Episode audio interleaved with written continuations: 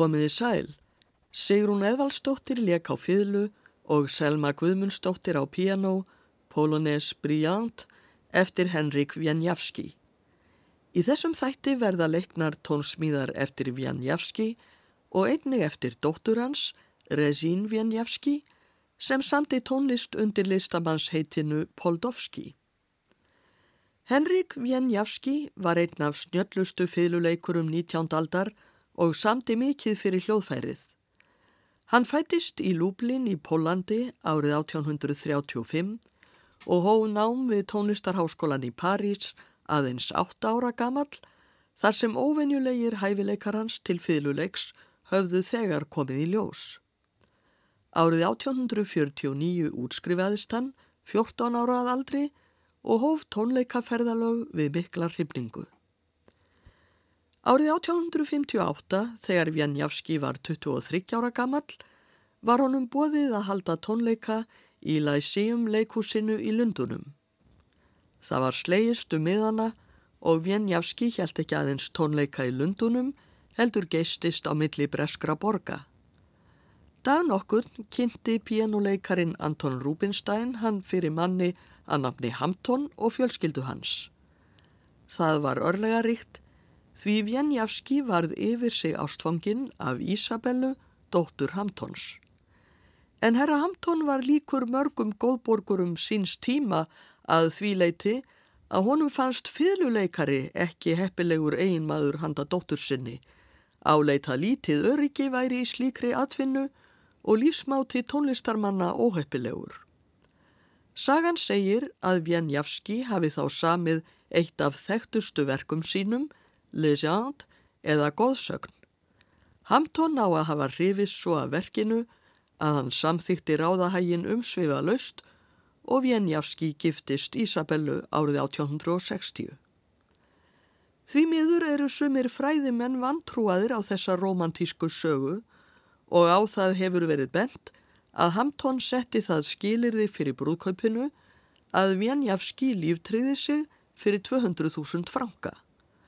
Aug þess kraðist að þess að Vjanjavski fengi sér fasta stöðu sem var til þess að hinn síðanemdi sótt um stöðu einleikara við hyrðina í Pétursborg í Rúslandi og fekk hana. Það hafa því kannski fremur verið peningar en tónar sem brættu hjarta Hamptons. Hvað sem því líður er það staðreind að verkið er tilengað Ísabellu og Vjanjavski lýsir ástsinni á henni mjög fyluleikaralega í brefið til umbóðsmann síns. Hann segir þar, ég veit ekki hvort þú hefur heyrt að ég vil giftast ungri enskri konu sem ég elska meir en bestu Stradivarius eða Guarnerius fylu. Og við skulum hlýða á verkið sem á að hafa tryggt hjónaband Vjanjavskis og Isabellu, Legend Opus 17.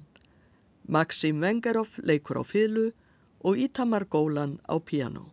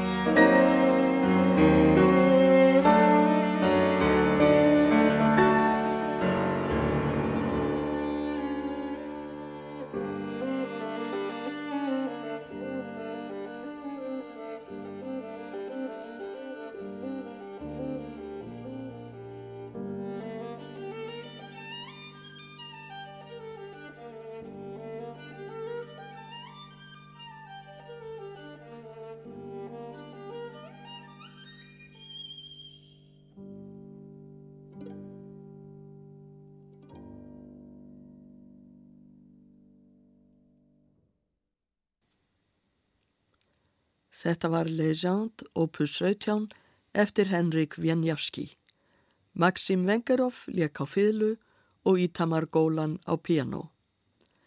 Eins og tekið var fram áðan fylgir svo sagaverkinu að það hafi orðið til þess að Wieniawski fjekk að giftast Isabellu Hampton og þess má til gaman sketa að það vanta ekki fræga tónlistarmenn við aðtöfnina þegar þau voru gefinn saman 8. ágúst 1860 í Andresar kirkjunni í París. Pianoleikarin Anton Rubinstein gaf brúðina, tónskáldið Gioacchino Rossini var svaramaður og þar sem Wieniawski gaf náttúrulega ekki sjálfur spilað á fylgu við aðtöfnina var það annar mikill fylgsnillingur, Henri Vieuxtemps, sem tók það hlutverk að sér.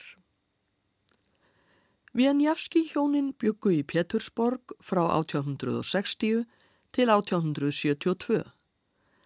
Á árunum 1872 til 74 fór Wieniawski í tónleikaferð um Bandaríkin með vini sínum Antoni Rubinstein.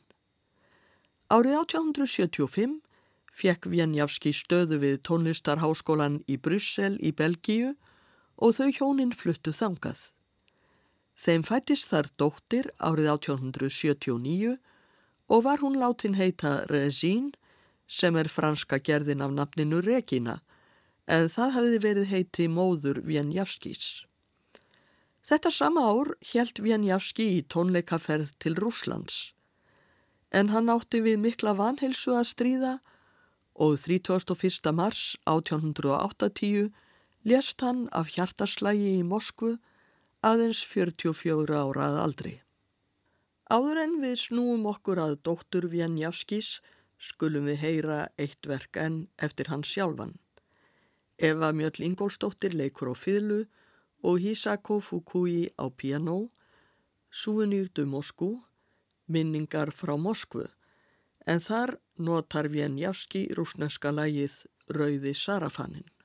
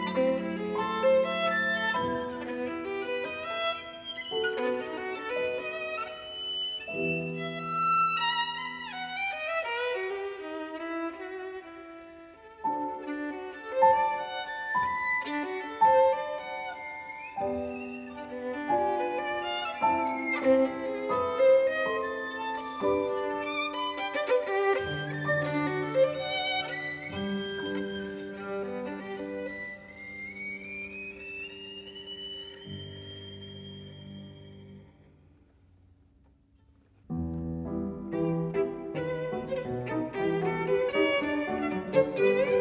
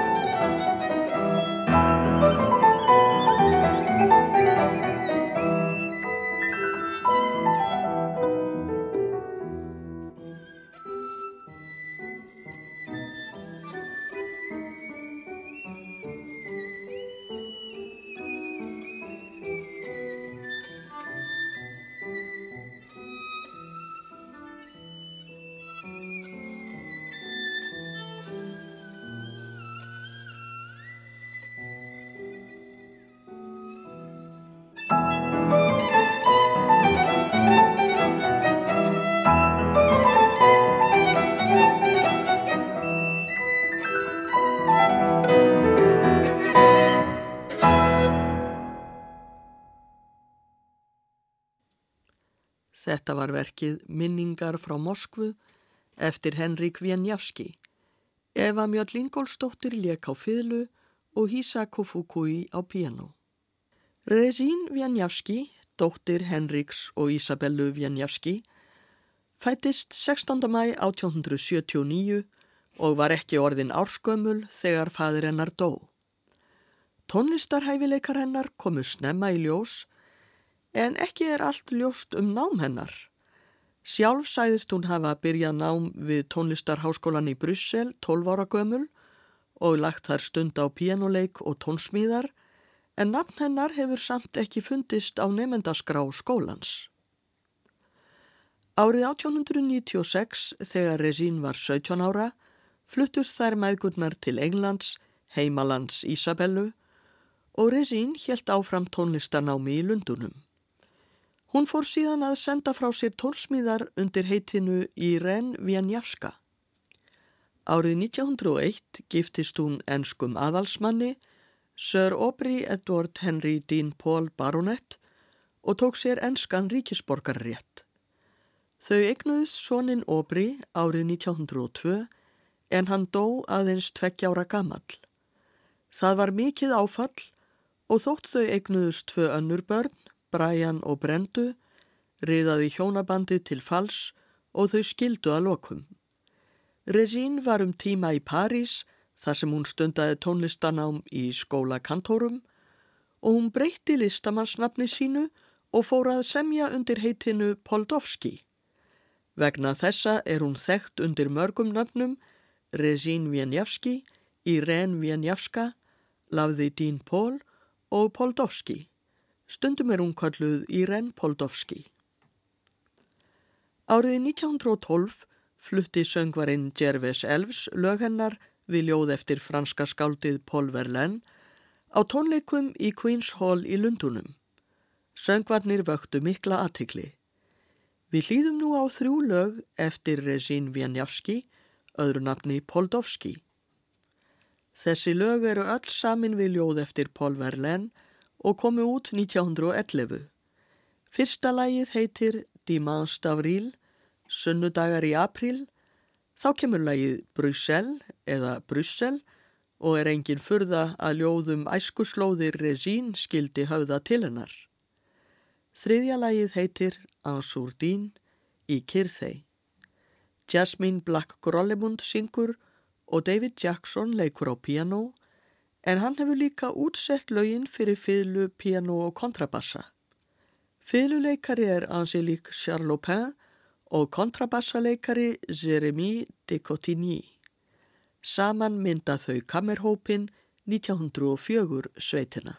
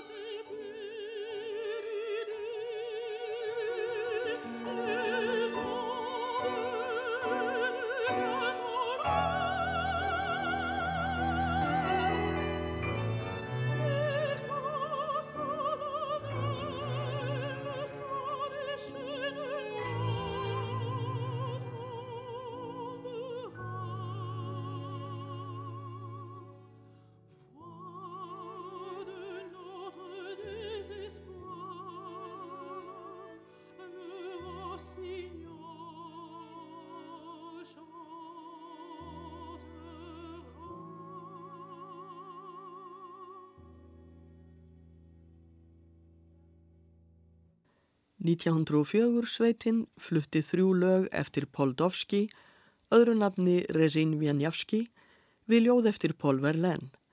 Lögin voru Dimanche d'Avril, Bruxelles og Ansourdin. 1904 sveitina skipa Jasmine Brack-Grollemund sopran, David Jackson piano, Angelique Charlopin fiðla og Jeremy de Cotigny kontrabassi. David Jackson útsetti lögin fyrir kammerhóp. Þar sem Rezín var dóttir fræks fiðluleikara og fiðlutónskálds er bísna áhugavert að heyra hvernig hún samti fyrir fiðlu. 1904 sveitin leikur nú eitt kabla, Andante Languido, úr fiðlusónutu hennar frá árinu 1914. Útsetningin er eftir David Jackson.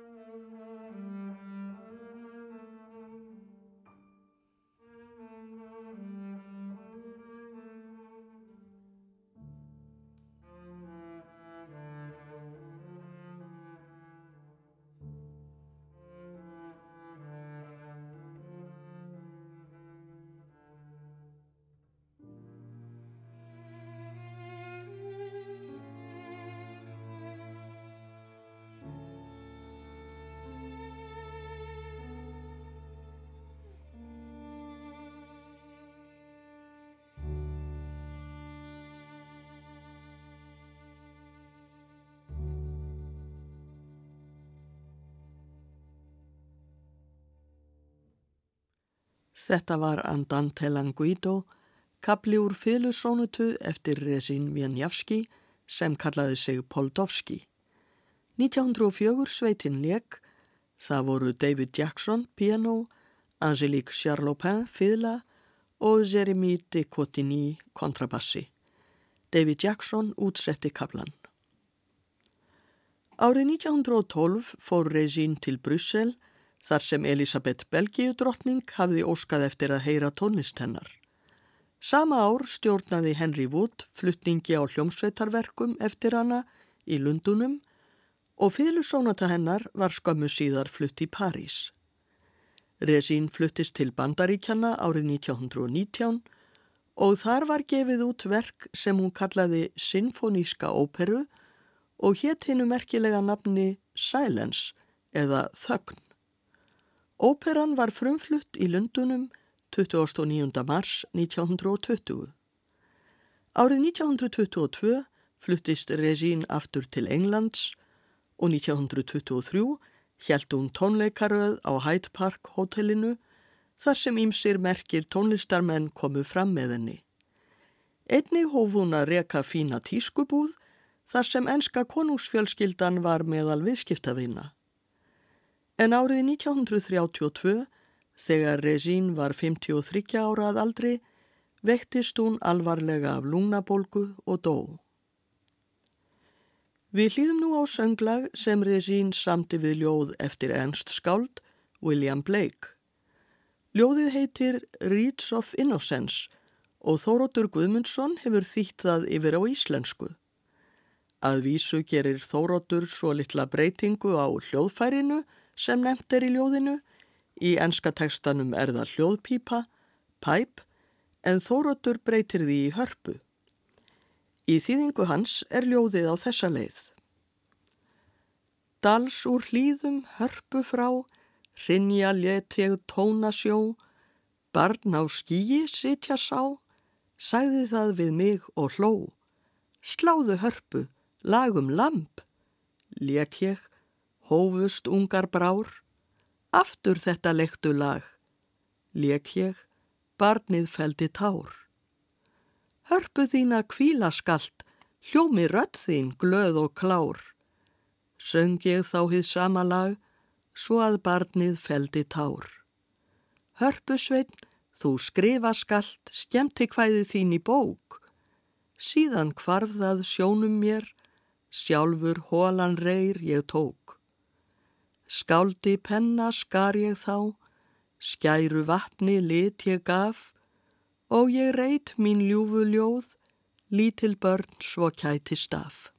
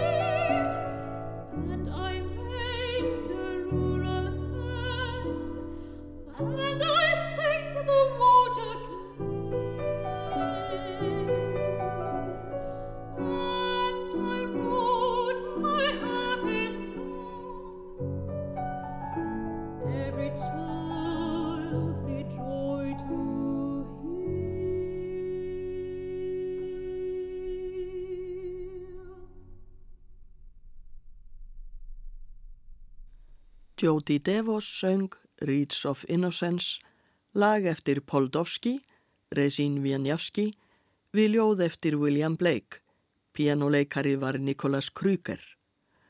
Og þau flytja hér að lokum annað lag eftir Poldovski, það er samið við ljóð eftir óþektan höfund og heitir einfallega To Love, til ástarinnar.